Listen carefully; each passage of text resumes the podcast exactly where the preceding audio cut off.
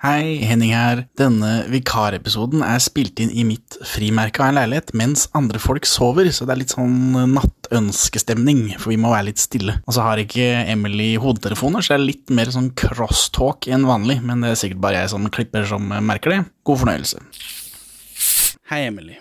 Hei, Henning. Vil du anbefale Døden på Oslo S fra 1990? Yes. Would you recommend Death at the Central Train Station? Uh, yeah, sure. Perle for svin. Velkommen til Perle for svin, the podcast uh, for people who don't like taglines. And usually we're two uh, mediocre men in our 30s uh, talking about Norwegian movies. But today I have a guest, special guest, Emily. Uh, who are you, Emily? In relation to me. oh, we were friends. We met at Comic Con Yeah, uh, 10 plus years ago. something like that. And where are you from? I'm from the United States, California, San Diego. And what's your relationship to Norwegian movies? Uh, this is my first experience oh, wow. Norwegian movies. After seeing this, your very first Norwegian movie, how what's your impression about Oslo as a city to live in in the 90s? Didn't really look that different from any other big city I seen in America, except that you have better transportation. Yeah. Subway. Uh, yeah, drugs. There are lots of Lots of drugs. drugs in the U.S. that did the same thing. Yeah. Super bad at that time too. But all the kids, because this is a kids movie. this was a kids movie. Yeah, it's um, age res- restricted at 10 years. So 10 years and older, you can just watch it alone in the It's movie to be theater. like uh, in the U.S. they'd be like, "This is a very special episode of Blossom," and then it teaches you about drugs. No, not really. It's just an awesome hard-boiled noir thing for teens. Wow, that would have never flown in the U.S. No, I know this would never have flown in the US. Skanset er nå preik med dem! Du, nå må du ta og slappe litt av. Tenkte vi skulle preike om horer! Did kind of have that feel of the '80s movies. Had good music. Kind Yeah. Of, like Yeah. The Breakfast Club and uh, all those Pretty in Pink. But you're right; those are all about Yeah, this love. had This is about love, though, too. yeah, yeah, love and there's some drugs in it, but like it's all about love. So it's maybe more realistic. I think that's what they were going for, but I don't know. It's based on a book by a guy called Ingvar Ambjørnsen, and he's like super into hash, like weed, basically in mm. Norway, and he has been for like a long time, and it's so so into it that he moved to the Netherlands because it's legal there. so, but he's you know smoking, drinking. Uh, all he can, and then like in the 80s, he starts making these books about og these two dudes. Uh, it's sort of like a reaction to the Hardy Boys. Do you know the Hardy Boys books? Yep. The equivalent for that was for boys. Girls read Nancy Drew. Yes, exactly. Because he thought that they were uh, corny and stupid and didn't like reflect real life. They don't. They're like kind of like Superman. A bit I like always that. thought he was kind of the golden boy. Never did anything. Always followed all the rules. Hoity-toity. Wasn't real. Yeah, so this Or like DC versus Marvel. Marvel is much sort of real, sort more of human. yeah, Do more you know what I'm saying? yeah, yeah, more down to earth. Like all the Marvel pro- uh, Well, like heroes Iron have Man, problems. uh, They have problems. Yeah, Iron Man is an alcoholic in the comics. Superman's problem is oh, he's too super. But yeah, um, Ingvar Ambjørnsen he wrote ten books, ten of these books, Proffen, and they each like deal with a different problem. So this is um, uh, obviously the youth prostitution and drug use in Oslo book. How big was this movie when it came out? it's uh, pretty big, but I couldn't, I wasn't able to find the numbers unfortunately in time. Your mother-in-law seemed to know it. Is that Yeah, everyone knows it Everyone because knows it. I doubt that it shines through, but the way these people act is ridiculous. Like the the things they say and the cadence and just it's so strange. It's like from another world. The way they deliver lines, Norwegian acting is pretty bad usually, and this is kids, and it, it's uh, and the slang that from the underbelly of Oslo in well, it's the 80s slangs, but like in 1990, this movie is endlessly quotable and has been for like 30 years. and you're saying because it's so unlifelike? Taxa vi bort hit bare for å prate med de to dødstriste streitingene. Nobody talked like that. yeah, that's part of it, and also like Why do you think they did that?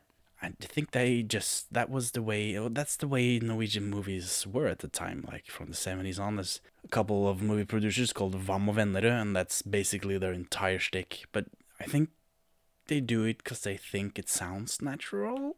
Like they try to be natural, and then that's just the way it turns out. That's odd to me because the movie seems like it's capturing real life, like Yeah, tr- but- pretty. yeah, that's what they Vama Vänner is what they did. Like they would take see problems in the uh, you know in the culture, and they would try and make movies about it. And the dialogue is crazy for, for like all of them. It's so strange. You know what happened? They probably got writers from the CW, like you're like Could, all could those be. TV shows. Yeah, those- yeah. Those are, the way they write is so odd. Oh yeah, and we're in my apartment, and it's right next to the road, so we might be able to hear the cars. Just heads up. Real life.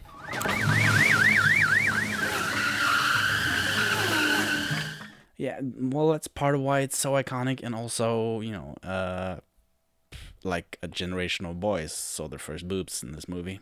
Did they usually show nudity like that? No, At that not, time? not full bush on a, like oh, a six. full bush. Yeah, did you see it? Didn't you see it? Oh yeah, it's hard to. yeah, yeah.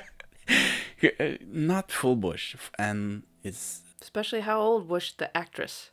Well, she's uh, born in '74. She was, she would have been 16 in 1990. So So depending she was on when she actually shot it. 16. Yeah. I'm surprised because in the U.S. they wouldn't have allowed a 16 year old actress to be naked. I don't know if they Is that they such a did big deal in Norway? Uh, it was a big deal, like for the the 14 to I don't know 17 year olds who saw this movie. So that's why that's part of again why people remember it. Yeah, it's that generation has kind of carried the movie with them. There's a comedian called Harald Eia, and he does the Lena character as like an because she's a junkie and she talks in this weird way and like and he does like a parody of that like 20 years after. And it's uh, it's why she's impossible to google now. If you try to google why would you? But i do. For this i try to google like lena døden oslo s just it's just Harald Eia and his parody like 20 years later. So but uh, yeah so it's it has it's stuck with people. So would you say it's like a cult classic? Yep. It's a strange movie for strange people. And it stuck with people when it came and a lot of like the the the sayings in this like uh, fikser ikke Pelle Lena would say like oh I can't handle this that's kind of been it's been worked into the vocabulary like people will say that So they didn't say that before, no no and now it's a common phrase. yeah fikser ikke Pelle When would you say it? You're bored. You're tired of work. Yeah like if something comes up and I ugh I don't want to do this but you do it anyway fix it Pelle and then you go do it because it's a humorous way to say it so you it's Oh, not yeah, so it's not like uh, I'm putting my foot down I'm not doing this it's like ugh I gotta do this Fikser ikke. Fikser ikke! When did they start first filming in Norway? it's Norwegian movies it took a while to like get a hang of it like early 30s we have a guy called Tancred Ibsen who, who like he worked for Warner Bros like six months so he knew stuff so now this Sure. finally we're like moving the camera like we're at close-ups what's this we can we're so close to like the people's faces so You don't know what you don't know. no I was trying to watch the skyline because you talked about we went to Oslo yesterday. You were saying how much it changed. I was trying to like look.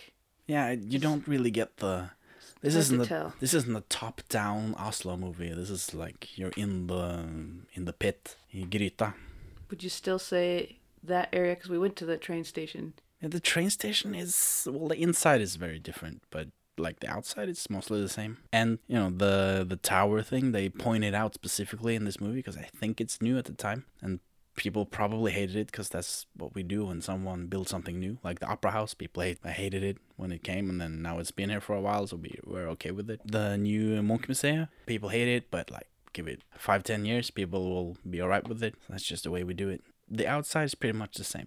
And then the inside, they've changed up a lot.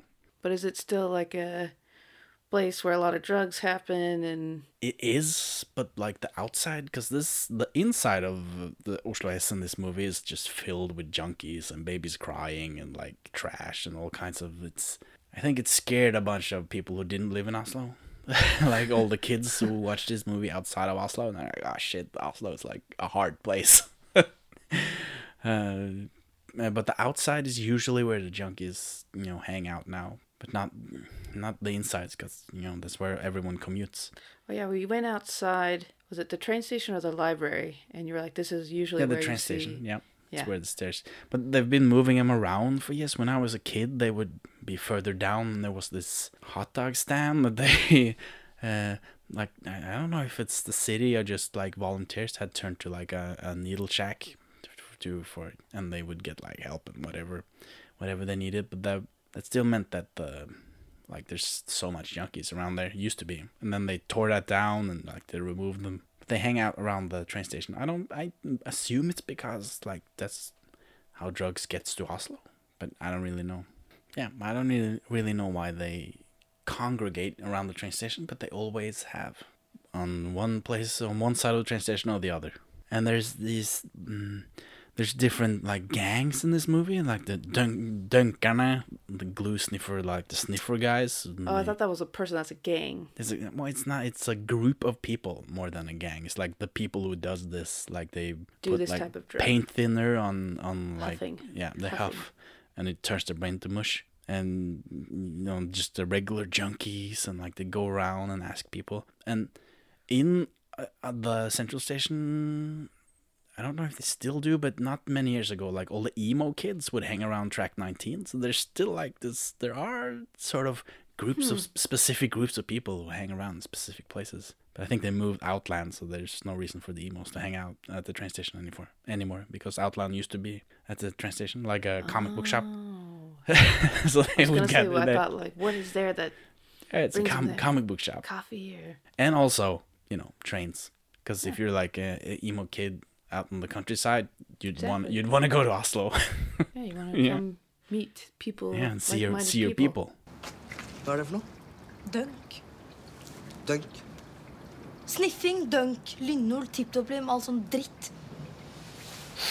Det er helt sinnssykt. Det blåser ut i hjernen på deg. so the movie starts on a boy washing his face his name is stein and then bjørn sundquist uh, he's the like the, the guy who gets beat up in the end he's hanging around and being creepy. And we see bjørn sundquist like a surprising amount in this podcast. I knew he was used a lot but this is the sundquist i remember. I grew up with. He's very intense and like sort of scary. Uh, but before this he's like he has a bunch of roles where he's like a nice guy. And i didn't know he could do that but he could. And what was his role supposed to be in the movie? He was some sort of like He's- takes in drug addicts and helps them. So he's like a doctor or Yeah, he's psychologist. uh, he's I think he runs like a Rehabilit- hope, like a yeah, like a rehab orphanage style thing. Because Stein is in there because his mom is gone and is presumably doesn't have a dad, like something like that. And then this other kid comes in and he wants to talk about prostitutes, young ones. so that's how it starts. And then they fight in the kitchen. And then there's a smash cut to Pelle Proffen walking out of uh, El Dorado movie theater.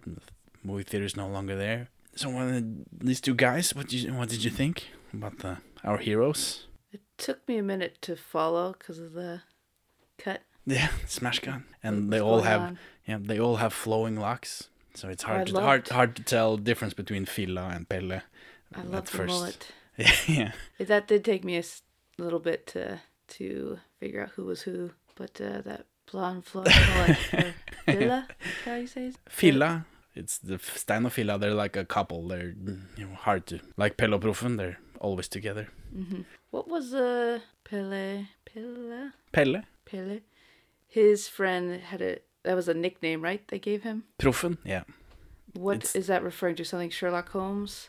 I think so, but like it's not explained in the movie. What does that translate to? Just the the pro basically in the Pro. in this in the subtitles it said the prof so like a professor but uh, That's what I was trying. That's what I was like, professor, and that I was trying to think of because they kept making Sherlock Holmes references. yeah because they're into that you know because Well, they're into goes- solving solving crimes and trouble problems and stuff Well, those books they were supposed to be kind of like Sherlock Holmes, yeah, Yeah. detectives, 'Cause he right? buys the Pelle buys uh, proof in a book and it's uh, a detective book yeah Yeah, and uh, so I was trying to make that connection correlate. Yeah, Yeah. where is this nickname coming from? Thinking it was Sherlock Holmes. Like one of them was supposed to be Sherlock Holmes, and the other one was supposed to be Doctor Watson. I, I don't know if I don't think you can like translate it directly onto them, but yeah, they're interested in stuff like that. But the um, the like main guy Pelle, his uh, his name is Håvard Bakke, and he he did these three movies, and he was like, you know, he's basically the only like teen idol in Norway at the time, because this, well, the movies they dominated popular culture. So would uh, young Norwegian girls have his poster up Yeah. on their wall? I assume. I assume he got kids uh, pretty young, like early twenties. Not that that's nothing, but like it's uh, unusual. And when, and he's like an actor, and uh, being an actor in he starts out in this like obviously this is his debut. He hadn't done anything before it, and then there's not enough Norwegian movies for actors usually to make a living off Norwegian movies. You got to do something else. You got to be like a theater actor or whatever. And he, since he got kids real young, uh, wanted to like stay home. Uh, if you're, if You you're stay-at-home dad? no, no, but like he, if you're acting in a play, you're uh, working six nights a, a week, you know, and you want to do something else. So he got into dubbing. Oh. So this guy is like he's the voice of my youth, uh, like m- me growing up, all of the '90s and way into the 20s. Well, he still does it, but like he was the only, more or less, the only young guy who could do dubbing, and we would dub everything, all the cartoons and stuff in Norway. And this is before because now anyone can sort of do it. You just read a line, and they will match it to the movie. But back in the day, you had time codes, and you would have to hit specific sounds at specific time codes as you watch the movie because you would have to try and match the your the the words coming out of your mouth to the mouth on the screen stuff like that. So he got really good at it and he did it like for years and years. So you'd be excited to be listening or watching something, some cartoon, and you'd be like, ah, I know who that is. well as an Recognize adult as an adult As i an do. adult, you do that. as a kid i didn't you know notice. And also his uh, well now and for many years he has like specialized in voiceovers for like commercials and radio commercials and stuff so you hear him all the time Voice of a generation. sort of and he also directed a bunch of, of dubs for like um, shrek first shrek movie first ice age movie finding nemo he directed the dub for stuff like that. How does one direct dubbing? well, you work with the translator for the translation and then you gotta find the actors and then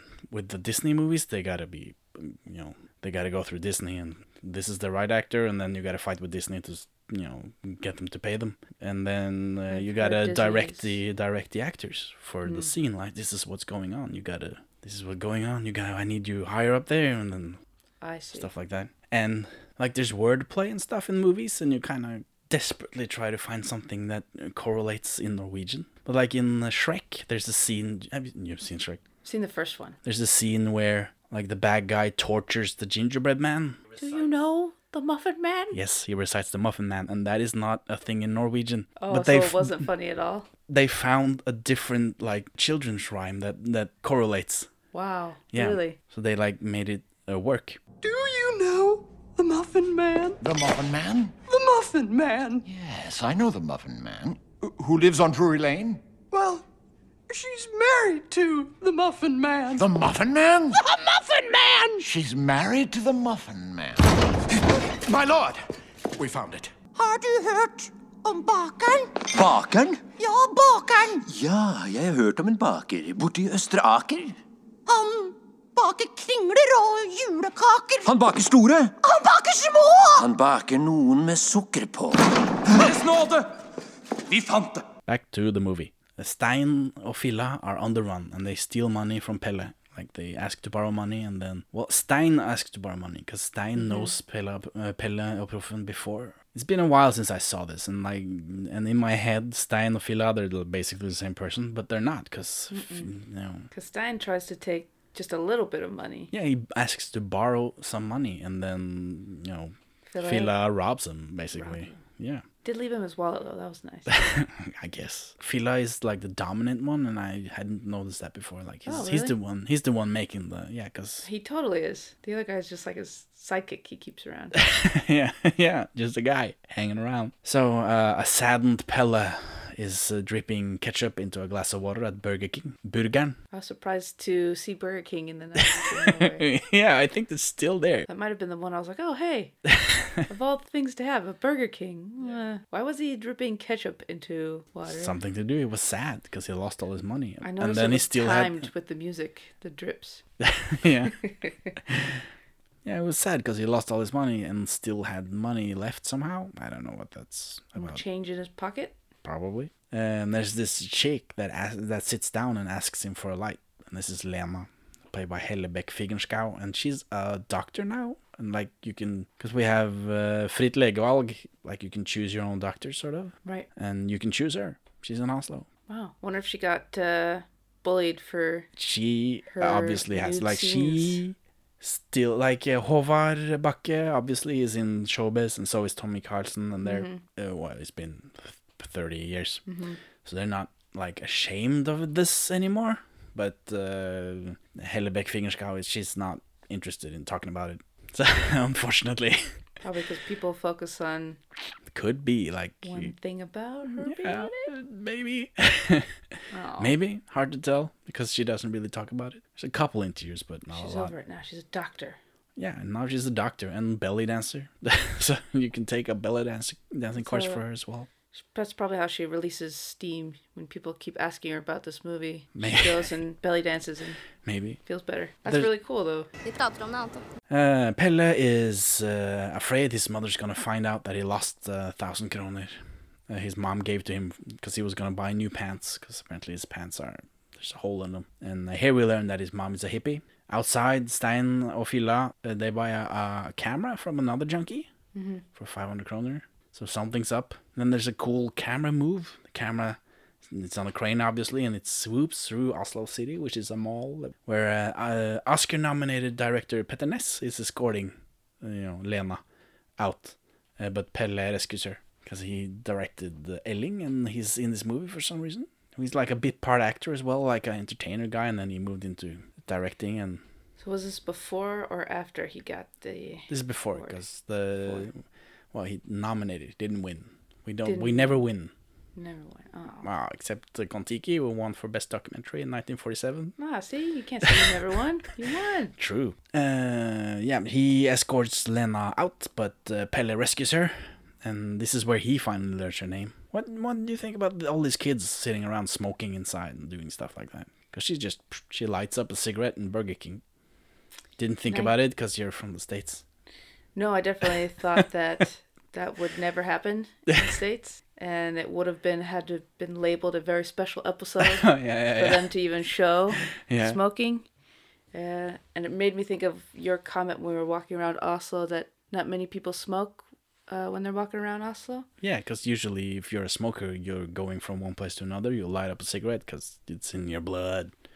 But uh, I didn't uh, notice that many people smoking in general. So is that uh, something that people just don't do that much anymore? yeah, we kind of stopped because it's well, snus is more prevalent. The thing on the, the lips, and in 2004 or something, it became illegal to smoke inside. 2004. Okay, that was my next question. Was I think. I think when did it bec- uh, like become illegal to smoke inside? Because that was surprising to me that she's just hanging out in Yep, McDonald's, hanging out smoking. Burger King.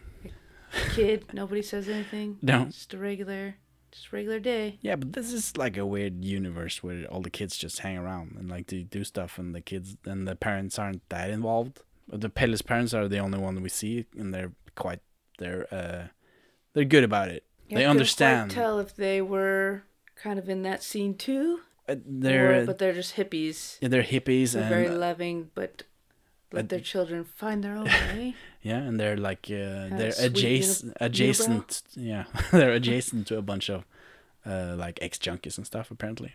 I just thought they were very understanding that people make mistakes and helped the junkie. Do you think they live with? Because the one guy works with them, but I thought that was because he was a good friend that happened to get addicted to heroin, and they helped him. Yeah, the uh, Laffy. Laffy is he's uh, the dad's friend. And he apparently used to do drugs, heroin, and he's off it, and now he's helping other junkies and like people on drugs to get out of it. But yeah, I did. I thought the you would never see that in the nineties. The smoking. smoking. I think plenty of people in the 80s in the US smoked still. Like I can think of 80s movies I've seen where they're smoking like that, but not just in a Burger King. no, no. and No kids smoking. No, but there's a lot of Never illegal illegal stuff in this movie. There's several people skateboarding. Uh, in the shopping mall, she gives him new pants, and I assume she stole them, and that's why they're uh, leading out. Oh, her she totally stole them. She takes them out from her Yeah. under her coat. So she, and that's why those two dudes were escorting her out. Yeah. uh, that's th- that was part was a little confusing because if they caught her shoplifting, which I don't is know. what I totally thought was happening, because yeah, they but were she kept the were, thing, so maybe they were like, "Ah, we know you hanging around here." Oh, they knew she was bad. I just assumed that they had caught her, and then when he came up, they Pele came up Yeah. and grabbed her. They were just confused and just kind of like, oh, fuck it, fine, leave. But yeah, she pulls him out from under her jacket and gives it to him to help him out. Yeah, even though, but she took money from him earlier, so I thought, yeah, She took money from him. Yeah, in the Burger King, she he was Oh, she was like, ah, give me the, my- rest of your, money, last seventy yeah. kroner. yeah, but What? Why did she take that if she was just gonna? Who I thought she like knew somebody yeah, at a thrift store or back alley thing. yeah, that like had another some- junkie who happened to have like a bunch of jeans. Yeah, that sold stolen jeans or something. I don't know. Uh, and uh, but after this, they have like a day at Oslo City in Yeah. montage form, where they like do montage shit and fall in love, I guess. Hang out, have a good time. yeah. And then they find out they're both late and they have to go. And Lena kisses uh, Pelle's cheek, leaving a mark. And Pelle gives uh, her uh, his number because she won't give him her number. It's easier now. Well, yeah, you don't give a widow. I think he actually asked for her address. Where does he Yeah, asked yeah, her yeah. where she lives? And then, no way, I wouldn't do that now. I would give a guy where No, but you're my address, but they're in love. You spent all day together at the mall. Or she's just smart. But she tells him where she hangs out. Yeah, because they are in love. Hey? I This hang out at love. the. Did she say Burger King? She called it something else. The yeah Burger. Burgern Burger. because it's slang again. Oh, it's slang. It's cooler to say Burgern than Burger King, Okay, which is the real me. name. So, Which, I yeah, but I noticed she didn't call it Burger King. yeah, but you're not very cool, so it didn't like Oh, come come natural. It didn't come naturally to And you. what am I doing on this podcast? Ayo. Lose, you invite losers. Yeah, we're all losers on the podcast. Ah. yeah, so then they part ways. He's super sad, goes home, and his mom's like, What the heck? yeah. What did she comment? She sees he has new pants. They were considered kind of what what was her deal? She commented on his pants. Well, her, her deal is that she gave him money for new pants and, and a jacket, and then he comes back with the new pants and a kiss on the cheek. But she specifically says something about the pants, almost like they're uh, not regular, like they're they're not fancy, but like racy. She didn't. She like didn't like them. She didn't like the pants. Oh yeah, oh, I I think there's it's something to do with like oh it must be pretty pretty hot pants since you got kissed on the cheek or something. Oh, like that. that's why she commented on the pants. And then uh, Pelle goes back to the Proffen because they live like in the same yard, the, the same building. Mm-hmm. And he uh, tells him about being robbed. And Proffen immediately connects it to like this newspaper article about the the orphanage place. Mm-hmm. It says it says in the article that uh, they've been vandalized, but you know Proffen somehow knows something's up he's like a guy who puts clues together. I don't know. He's a detective. I. He also has a computer that he keeps writing down all the clues on, but there's no internet in 1990, so I don't. And they act like this this computer they, that it can actually do something, but not everything. But Yeah, they make comments about it. You Yeah. reference it later, like he can go get more information from the computer. yeah, but how? There's no internet. I don't know. I just played in the '90s computers like that. I played like Reader Rabbit. yeah, yeah. Maybe it has Tetris, but how would that help? Who knows? It's uh, I guess it's uh, fantasy land where computers in the well, 90s would would do something. people in Norway in the '90s known just how Would common know- were computers? With no, we well with no computers because they show up in movies and are fancy and special and but there's always I before actually surprised he had a computer because yeah me too how many kids in the '90s had not a lot computers? not a lot but there's always before we actually got the internet there's always like the promise of computers they would be able to do everything you know like a bright shiny future shows up in Norwegian movies all the time like Hmm. and also they make a lot of jokes in other Norwegian movies about how it's the computers are gonna like take over like you don't you don't Oh. need to do paperwork anymore because the computer will do that we know don't need to have a guy in the reception because the computer will do that Yeah, they and then that it never fear works in the U.S. the Y2K thing, and stuff like that. So there's always this is back before we knew what the internet was gonna be. So it's hopeful that this computer could actually help. But he keeps writing stuff down on it, and it seems easier to just write from by hand. But I think it's awesome that he had a computer. so then, uh, what happens after that? are they connected to The oh right, and then they start investigating. They start their investigation.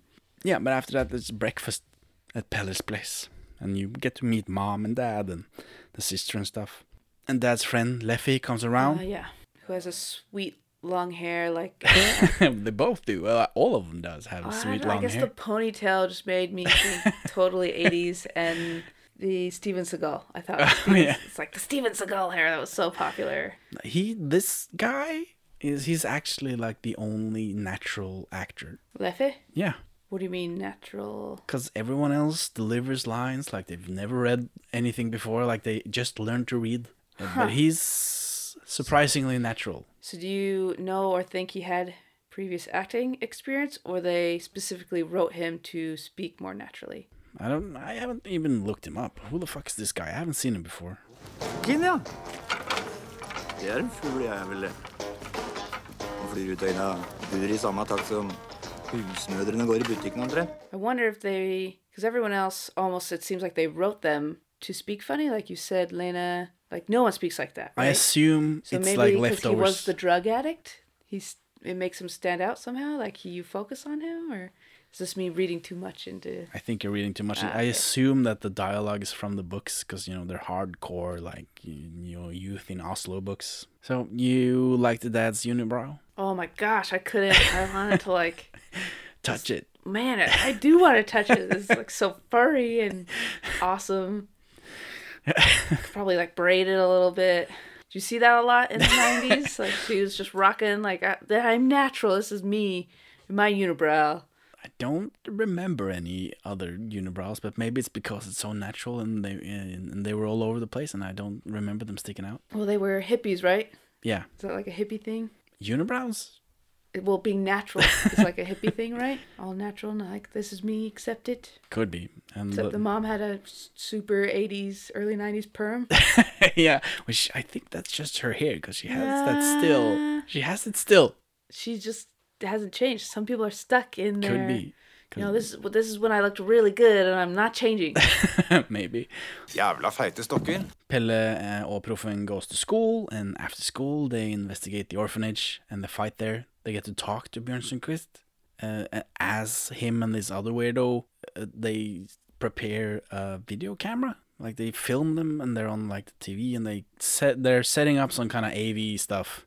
oh do you think that's because they were in the newspaper for the incident and they were going to get interviewed by No, but there, News? it's, no, it's just these two dudes in the office. I figured it would be part of the plot, maybe, like, cause there. I remember there's something about you know surveillance and stuff, but it turns out to be Stein and Filla, so I have no idea, cause I don't think the camera comes back in any meaningful way. He tells the other creepy guy when they're being blackmailed over over the phone to start the recording. I thought part of the whole his deal was that he not only was messing with her, but was he possibly recording their interactions? Was that what it was? And, and he's like selling it. He doesn't sell it, at least. I thought maybe like he's making you know, home porn, but I thought, But it doesn't come up. Um, Stein was gonna reveal him that he was actually. I didn't realize at first Stein took pictures as like blackmail. yeah. I thought um, they had found vi- like child por- him making child Yeah, yeah. Pornography, and that was what he was gonna blackmail them with. So maybe do you think it could have been? Well, that would have made sense, but it doesn't come up. Uh, Huh? in Maybe the they rest of the originally were movie. gonna do that and had to cut it out. Maybe I, I I don't know. It doesn't come up Yeah. against as except like start the recording. He says when they get the phone call, and he says it in a really strange way. I don't. And I'll cut it in here because it's really strange. Sett på rekorderen. But it doesn't come up the c- cameras anymore. I thought I thought it would be a bigger deal since they make like a big deal out of it in this scene. So Sundquist uh, tells them that Stein and uh, are on the run after causing all the damage in the kitchen, and they did it all by their own. Uh, nothing else happened, promise. And oh, by the way, do you know where Stein might be? And they, Pelle og Proffen, they're smarter than, than that, so they don't like squeal. They just leave. And as they leave, Sundquist almost hits them with his car. and they notice that uh, the car is has a red primer on it. So they found find his address in the phone book, and then they go to his place. And Proffen distracts Sundquist by going inside his house. Like, I thought something really sinister was gonna go on while he was in there. yeah, I thought he was gonna get like raped or something. yeah, and Pelle was gonna have to like come save him. yeah, But uh, it was good. They just yeah. But got a little paint. Nothing happens. Nothing happens. No, he, he doesn't he uh, scrape the car, paint from the car. Yeah, well, yeah, Pelle does on the outside, but like, what happened? He just he, he disappears into the house, and then we don't see him until after, and then he says, "Ah, Oh, I, yeah, di- it I didn't learn quick- anything." Like, what? Quick what? cut. Yeah, Uh, I thought maybe they were gonna get super technical and somehow have a friend in the police station like match yeah, yeah, like a the CS, paint CSI thing. CSI thing to Yeah. some crime or something. Why was he scraping the paint then? just he was doing it off a hunch, I think, and then it turns his hunch turned out to be right. That there's they paint there's the a whole- that there's like a woman's lib prank almost where they would paint cars of um, uh, customers of uh, prostitutes with horekunde, prostitute uh, buyer, kunde, customer, like a whore customer They would paint people who who were paid buying for prostitutes. sex. They yeah. would paint their car so everyone knew who they were. Is that yeah, what you're saying? yeah, to like uh, bother them, make them stop. Yeah, make them feel ashamed. Yeah, And everyone and then because then you got to go home to your wife with the car and says Ooh, prostitute. So apparently, so apparently that happened, and Pelle knew this, and just they had a hunch. I don't know. It's it's what they say uh, afterwards. And they go to Oslo S after this. There's a bunch of shady people all around doing shady stuff, junkies, and there's scary youth, babies crying. Then they go to talk to Rogers uh, to figure out where Stein is because they're asking around for Stein. Mhm. And the Rogers, he has like a couple of junky girls with him. Uh, isn't Nina with him? Yes, we see Nina all the time in these scenes, but she isn't do properly I- she isn't properly established. Like we don't know her face. Jeg heter forresten Lena. Du bor på Torshov, mann og barn? Hæ? But then here, this scene, the cops come over and they fuck with Rogers and and his girls. And they're all super high too, the three. So him and the two chicks are. That's why the cops come, right? Because they're high. Uh, They come because they're looking for Stein og Filla. So I guess like Bjørn Sundquist has pulled The some cops strings. are looking for. Yeah, because they the Stein og Filla Oh, they the- they ruined the orphanage and stuff. I thought those were kind of guys working with the bad guys. I didn't realize they were cops. Yeah, because they weren't dressed in uniforms. They're No. dressed as like plainclothes then detectives. Yeah, they're cops, so they're the bad guys. Oh, cops are always the bad guys. Not always, but you know, well, ACAB always the bad guys. Always. Uh, yeah, they they get they get tipped off by Rogers that they should go to like the Dunkarne, Uh-huh. and so they go into they go there, and it's uh, super scary. Yeah. and there's a guy who attacks them with a knife. It's not just a knife. It almost looks like a machete. It's huge. yeah, and but then he just lets off because I guess Pelle og Proffen they're part of the city. Like, But uh, I think my favorite part of that interaction is did he give the one chick his candy and she threw up? yeah, I and then they think leave. so. they leave, and they- then he wants to go back. He's like, "Oh shit, I forgot my candy. I thought he was screwing Pelle, but was he serious? He was gonna go get his candy again." Apparently, it's like a trademark of his. Yeah, he, it does show up a lot in the movie. yeah, Do you know what kind of candy it is? citron drops. It's uh, like lemon hard candy Oh, okay, for so the old ladies eat them. he likes. I like lemon drops. Yeah, it's lemon drops. Okay, that's funny. so they leave the den, and then uh, what's their next clue that they find? Uh, well, one of the like uh, the Dunkarne, one of the Dunkers, they mentioned Gokken, which is Oh, a name. yeah. And then they go to Pelle's place, and his mom is packing for a trip to Drøbak, and dad is trying to remember something, scratching his unibrow. and then Pelle plays with his sister, and it turns out what the, the thing that his dad forgot was that Leonard had called. Ah, yes, his girlfriend. Well, he says girlfriend, girlfriend, but Pelle, Pelle isn't that, isn't that sure.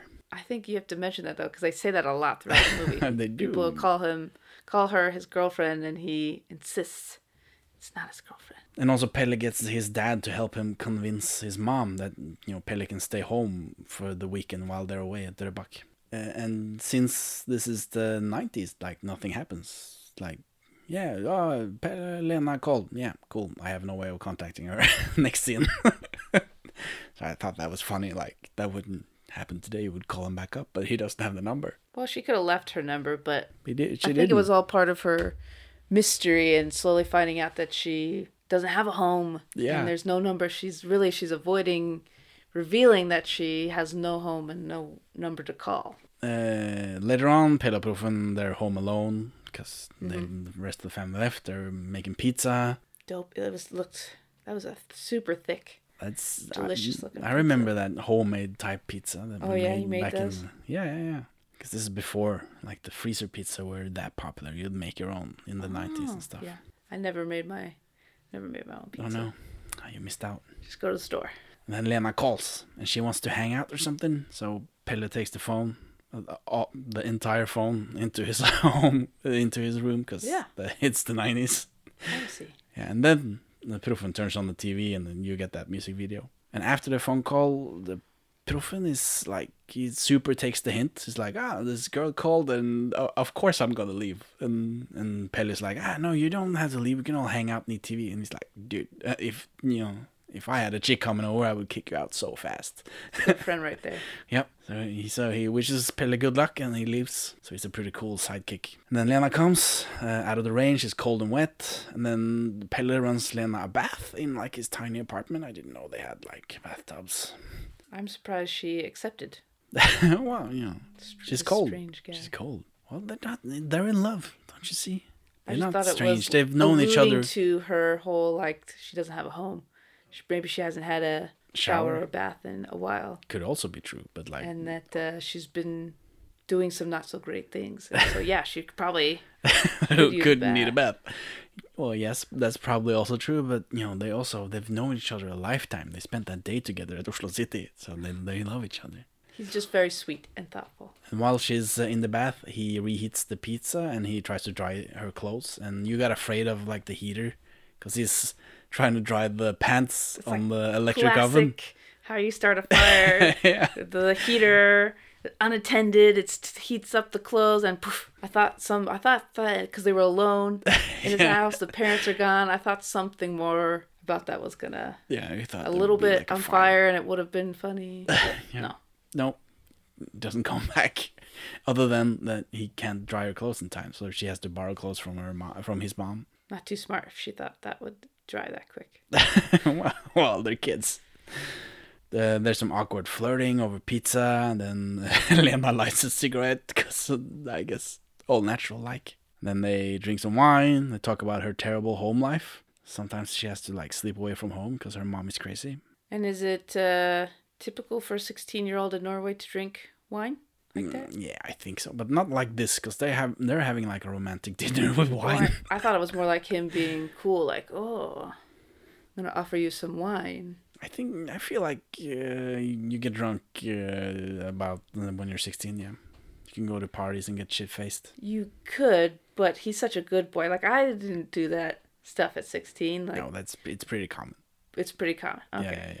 So they drink wine, and Pelle fills Lena in on, on the case, and then there's like a smooth whip pan, and he's done talking about the case. So I thought that was cool because it's so smooth. And he's back to mo- uh, to more awkward flirting until uh, Lena wants to go to bed, wants to sleep, and Pelle offers her to sleep over, and she she accepts, but only if she gets to snuggle with them. So, and this is the scene where, where first she's topless, and you're like, what? and then full bush. I didn't expect her to remove any clothing because they were gonna cuddle. Yeah. And this made it seem like she wanted to do more than cuddle. No, no, she just want to cuddle in the nude. Feel his warmth. She was still cold. Yeah, you know, it's nice to cuddle even though you're both nude. And then uh, they're in Sure. bed, they're both naked, and she make like they promise not to have sex. She asks him if it's okay. And he's like, of course, because he's such a good guy. He's probably also about to shit his pants because he's got this really hot naked lady in his bed. yeah, and like I'm glad I don't have to like. I'm glad I don't have to do this. This is perfect. yeah, good enough. And then the morning after, Pelle wakes up alone in his tidy whities. you had to point out, thank you. Yeah. I could see. Yeah, I mean something. Which is not the same as her full frontal nudity. it's not the It's you something for say, the look, girls. oh, look, it's the same. It's not the same. it's not the same. sexist. He got to be covered and she didn't. Oh, you're right. He should have been nude He did, well, yeah, because why was she naked and he had something? with his hairless balls dangling around. yeah, he was pretty uh, soft, like hairless everywhere. Ah, she left a note though, Lena. Oh, that was nice. So they're still cool. And she, she gives him like a clue about uh, Gokken. So later on, Pelle uh, og Proffen talks to Leffe, um, dad's friend. Uh, and there's the Rogers is there because he's hanging out with a bunch of junkies doing menial work because his work, he Mhm. apparently works with junkies. And he knows Gokken, Gokken, he's in jail, but his apartment is in Grønlandsleiret. So they go to, they walk around Grønland. We get to see how shitty Grønland is Mm. and they're checking doorbells, uh, looking for Gokken, and eventually they find it. And Stein or Filla is there, and Pelle wants his money back, but Stein and Filla has an has a plan. Like they're going for bigger fish, or they're gonna get more money. They're gonna back backman Sundquist about his whoring, and then Proffen like they re- reveal that they know a lot, and they're like, "Oh, how do you know this stuff?" But you don't know everything. Stein and Filla says, 'cause they don't know that the whores are uh, underage, which Hmm. is bad. That's a bad thing. Yeah, it's terrible.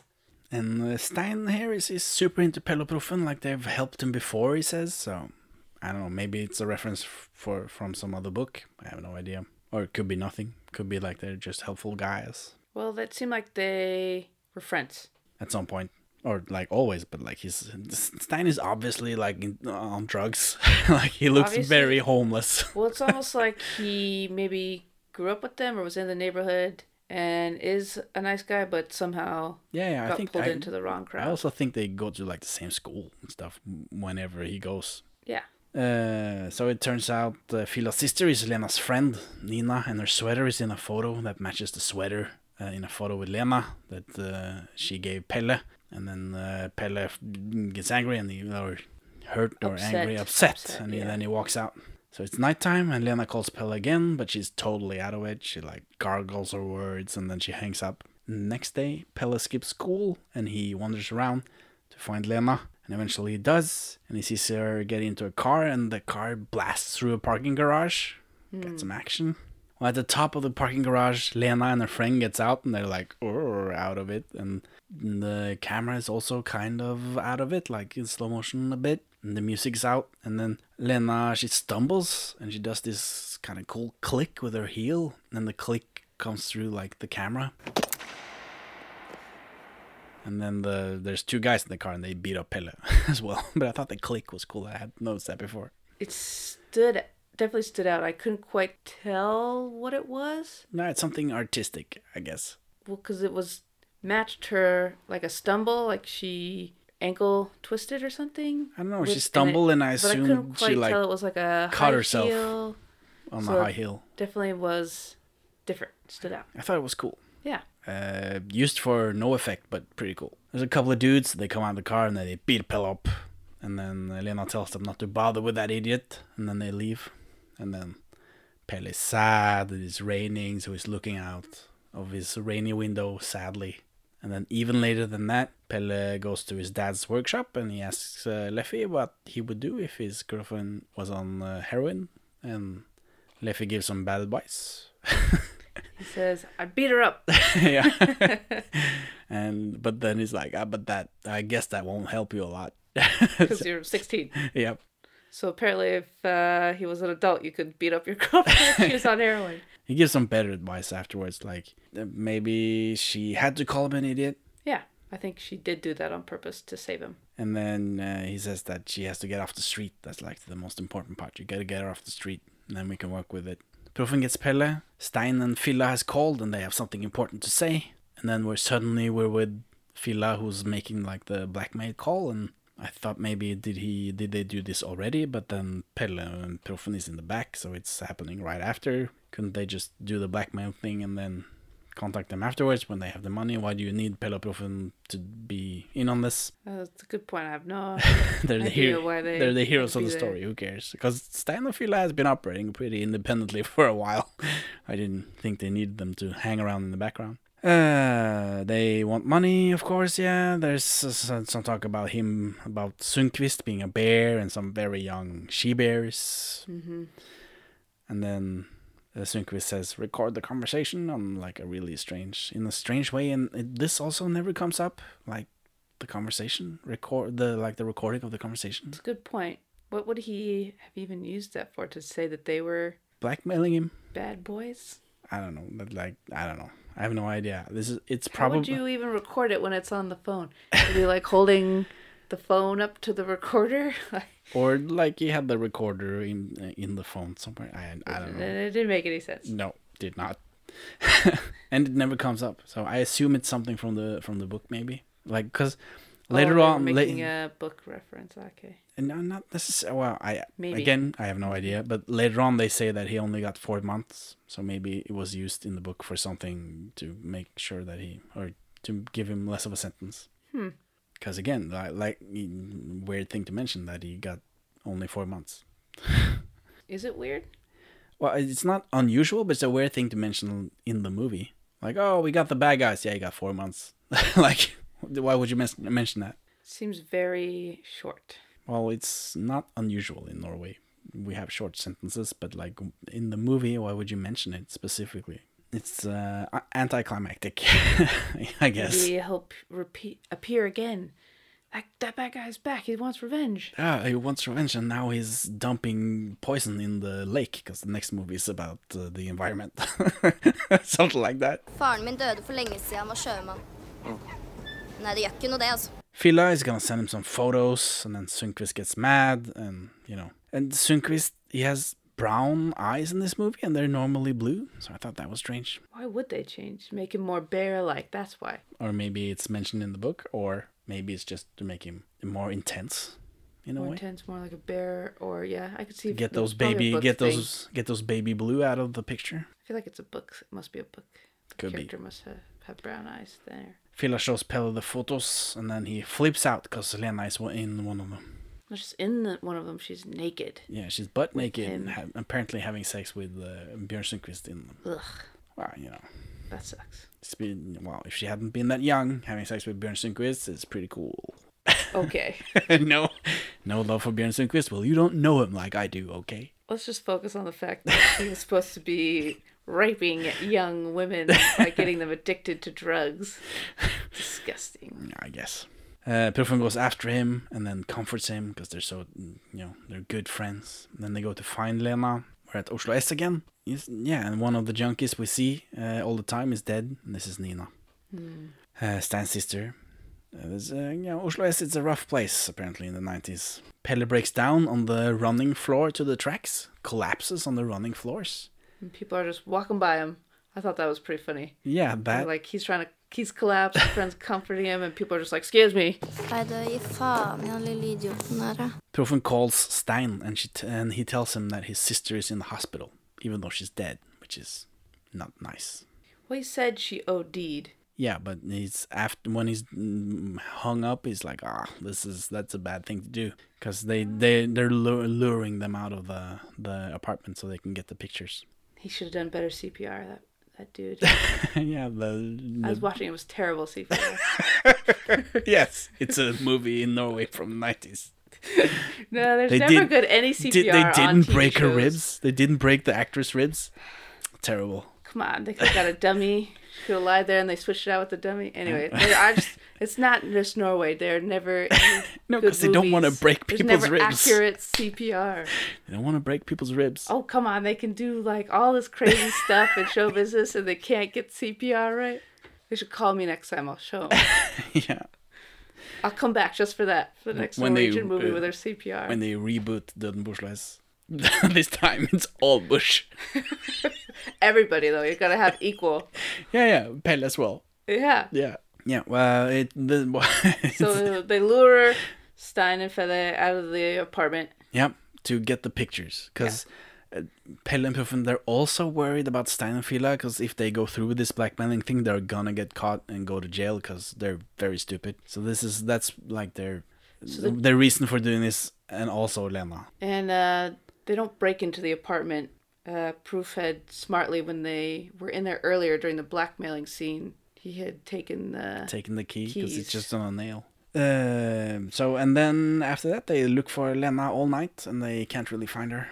And there's a scene where Pelle tells Proffen that he can go home and tell Pelle's parents that he's gonna be late, but Proffen isn't gonna go home because they're he's such a good good guy and they're good friends and he's gonna stay and help. But he does make that comment about the computer. Yeah, this is where the computer comment like, uh, Pelle says, "Ah, this computer can't help us now. We have to use our heads." Which I don't know. It's, the nineties, I guess. so they roam the red light district and they see Lena. Lena, she just as she screams while she's pulled into a car by Bjørn Sundquist, Mhm. and he drives away. And then and they hail a cab to follow him. And the cab driver's all about it, and he speaks in broken Norwegian, but I guess he couldn't tell. Well, he asks them why. He's like, "What? What are we doing here, boys?" Yeah. and they tell him, and then he's like, "Got you."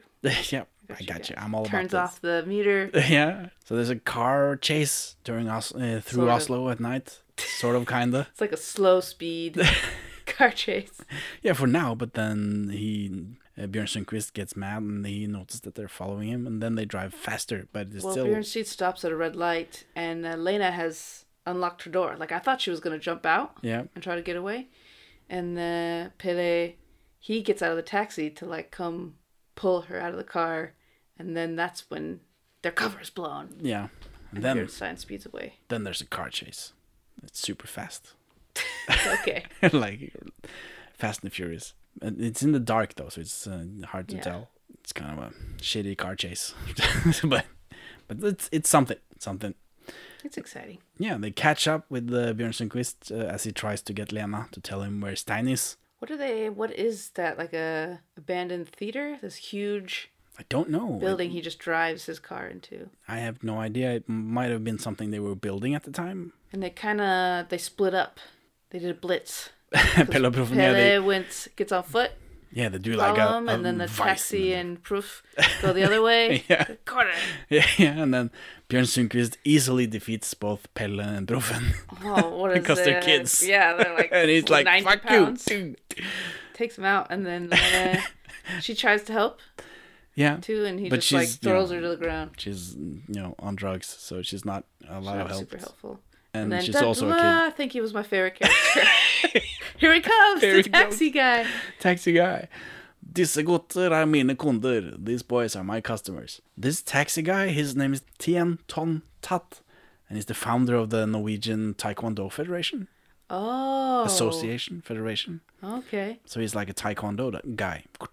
Did people know him? I don't think anyone knows movie? them. I, no, No. it's just I did Taekwondo for years.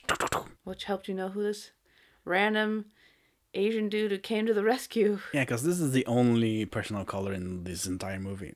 Yeah, he But is. and Rogers, Oh yeah, you can't forget him.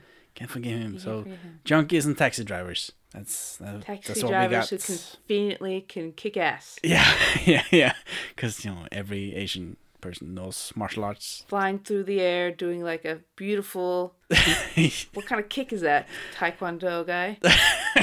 I don't remember. Like the classic knee up, leg out. Yeah, I well, like how they focused in on his foot just Yeah, ramming into his face. It's not often you see Bjørn Sundquist take like a foot to the face like Foot that. to the face. Yeah, and then after that, he's he just taxi driver is la- he lands and then he just does some skips, and Bjørn Sundquist is really scared. Very heroic. Uh, so uh, Lena runs away because you know she's Why does she run? What the heck? because she's would- high and she's scared and she has had a rough life. She doesn't know what's up. But Pelle follows her and then uh, he convinces her to like come home with him. And they get home and the mom is at first angry that he's mm, so late because it's the middle of the night. well She's like, any mom. Like, what the heck?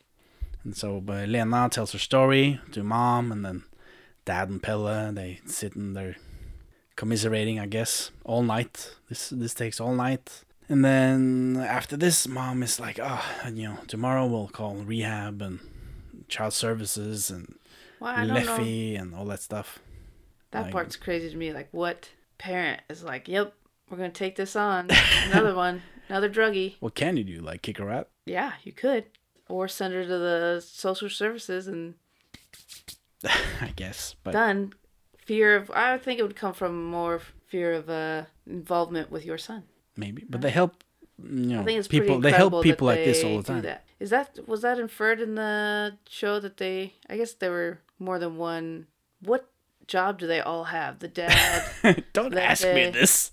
There's no Was job. Uh, that, is, does, does the dad own the business, and that's how he's helping drug addicts? No. Or he just helps them get the job at the same place he has a job. Uh, I don't wonder. know. I don't know what the dad actually. Well, he he, He is he's on a he's on a truck at some point. So he's, he truck, drives a truck or But something. he's actually a painter. oh, that that's uh, like art. Yeah, he's a painter. He's doing art. Yeah, but uh, apparently he can't live live off that because then I guess he would. No, yeah. Right? You gotta So- have a day job. He's got kids. Yeah. Dang kids are so expensive. So I guess he does. He drives a truck or something, and then Leffe apparently works with the junkies. Looks like. 'Cause- Oh, yeah. But the first time, the first time we see any of these people, like mom and dad, and then Leffe comes in and says hello, and then he talks about someone who fell off the wagon after six years. Someone we haven't seen and Oh. will never see, but like that's when they set up that these people are, you know, they know drug people, Mhm. people with drug use, and they want to help Mhm. them. So that's like the first time we see him. So now this it came comes back in this this scene where they take on Lena to help her. Then they go cuddle Then the rest of the night they go cuddle, naked again. naked again, That's pretty less graphic. something you would never see in uh like a mom in American television Oh, yeah, no, movie they're- would never be like, yeah, go cuddle with your girlfriend naked. So that was something that was big for me. That how cool these parents are. And then there's like a new scene, and I interpreted it as like next day. But they, this is where they mentioned that Bjørn Sundquist got four months, so I guess Hmm. it's even later. Well, because she did. Did she go to some rehab? And No, they're 'cause picking this her is- up from some rehab. No, this is uh, she's been at the child welfare services, and I assumed it's it was just to tell her story and whatever, and then then because now they're taking her to rehab. This is mm, when she, they get in the truck and they drive into the sun sun with matching red jackets. Oops, That was odd to me. Because he didn't have that red jacket on before, and then they pick her up and they both have it. No, he needed a new jacket. I don't know. Maybe he got maybe they got the new jackets together. Ooh. but yeah, but when they drive into like the sunrise, uh, they even though it was daytime before, when they drive into the sunrise, uh, that's when they're going to rehab. So before that, she was at child welfare services. But who knows how long she's been there, or you know what's what's up with that? was a little unclear. Yeah, there's an um, unclear time jump. Then I asked him, "Will you wait? Will you wait for me? Yeah, Come out of rehab?" And he's like, "Of course, of course." of course. There's two more movies. and I did think it was significant that Leffe was the one that drive drove him. Yeah, He's gonna, he's gonna. because he's there. he's the guy. He's the guy. He's And the he's the helping junkies guy. So, why do you recommend this movie, Döden på Oslo S from 1990? I think I liked it because it's so different from anything you'd see in the U.S. So it captured my attention, and I liked it too because it was first. Just because it was the first Norwegian movie, I think I'll always have a special place in my heart. I'll Yeah. always remember it. But it's so like you'd never see anything like this. In the No, They would never make It's a special movie. Yeah, they would never allow a teenage actor to portray herself as a hooker and sex, and it might be like mentioned, but you you wouldn't follow kids like this. So, I think he, the writer of the books, accomplished his goal of making a much more realistic detective series, even though some of it didn't make sense at all. Yeah. And- but that's kind of the fun part too, is the goofiness. I of course didn't recognize the weird accents. I, I can't understand it, but I did like it. Genuinely liked. But Genuinely, even not in. I'm not just saying it. I did like the movie. okay, cool. Henning, why do you recommend this movie? Because of its weirdness. Like you genuinely like this movie, you say, and I, it's there's this layer of irony that I can't kind of scrape away of my recommend. I you know I sort of ironically recommend it because it's so strange.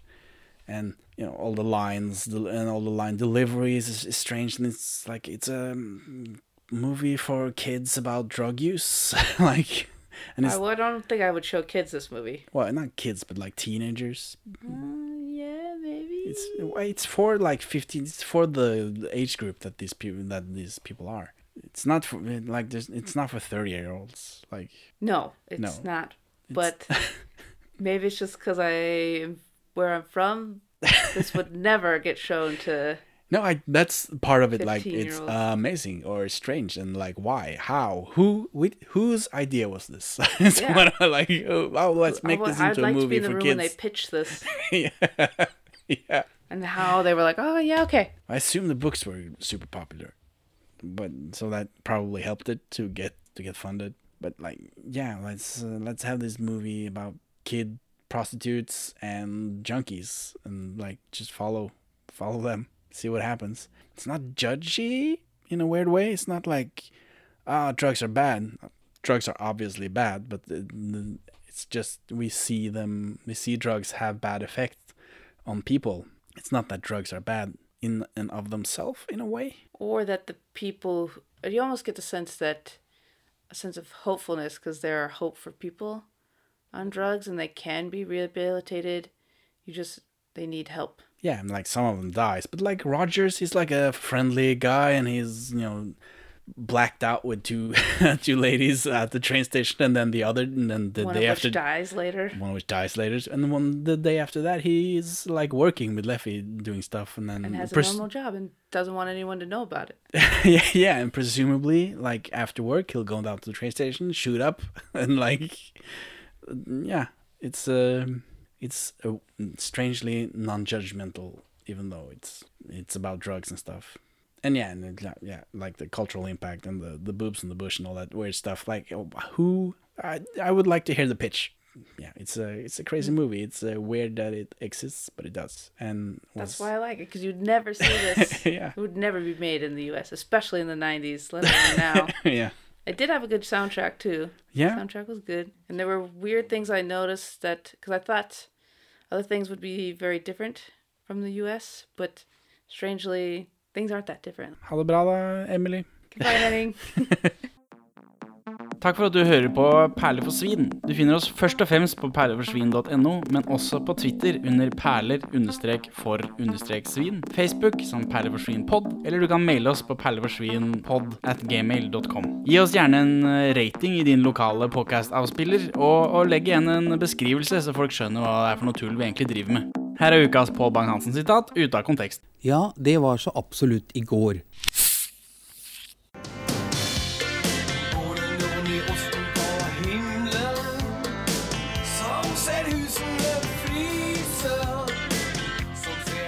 Ser at For toeren. he didn't know that was her the first time he saw her, Yeah. but then they Did he after? see evidence of Nina with rapey guy. What's his name?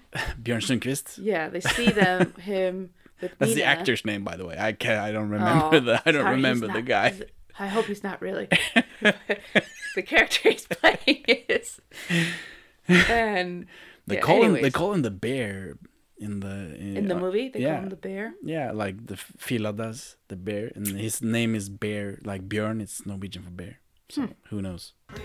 Toeren så kan du Og streifer døgnet rundt sikksakk. Og tusener av biler halser like bak. Jeg går i bane. And then he went out to uh, another uh, soap show called Hotel Cæsar, which is the longest running maybe Norwegian TV series ever. They made 19 uh, they made it 19 years before they got shut down. Oh wow, that is a long time. Yeah, like, over 3000 episodes because they made like uh, one each day. so it's pretty cool. Oh, I, you know, pretty stupid, but also but I I will always fight for Hotel Cæsar even though like the show is terrible and you know only old people or like people who are home in the daytime liked it. It's but it behind the scenes since they made so many like yes um, episodes on so sh- short a schedule like it taught a lot of people in Norwegian movies and TVs to do whatever they do and they taught them how to do that really fast. I'm always a soap opera, and it's still. no, it's not it's not on anymore unfortunately. Why are soap operas like the longest running running TV shows always? Because they have Besides to, Doctor Who. I don't know. It's I assume that they start. What's their secret? How do they I assume on so because they do it so much and so fast that it eventually becomes kind of cheap. Oh, that so it doesn't cost the studios much. That's why. I guess so. Well, that's I, that's my guess because like they have Money is a- that's these a good guess. like this house is this is a warehouse. This is where we put up our walls. Now, now this is the scene. And then then eventually when they everything they do everything fast enough, it's cheaper, I assume, because they have like two or three takes of each scene and then move on because we don't have time for anymore. You should would be curious to see how many of the same actors they just like put a new wig on them, reuse them, or like props. So yeah, I'll always I'll I'm pro Hotel Hotel Cæsar even though I've you know I mean the show's terrible. Like the stories are bad, but but like So bad they're it- good. No, depends. Depends. Well, it ran for 19 years. Like, I guess some are so bad it's good, but I haven't seen much of it. I watched the start of it because it was like scandalous. You know, it started in the 90s, and here's this soap show like. uh, They call it bastard TV, where everyone would, would just go around and be bastards to each other, and then we would watch that, and then we as a people would be bastards as well, Ah. and that would like that would be bad.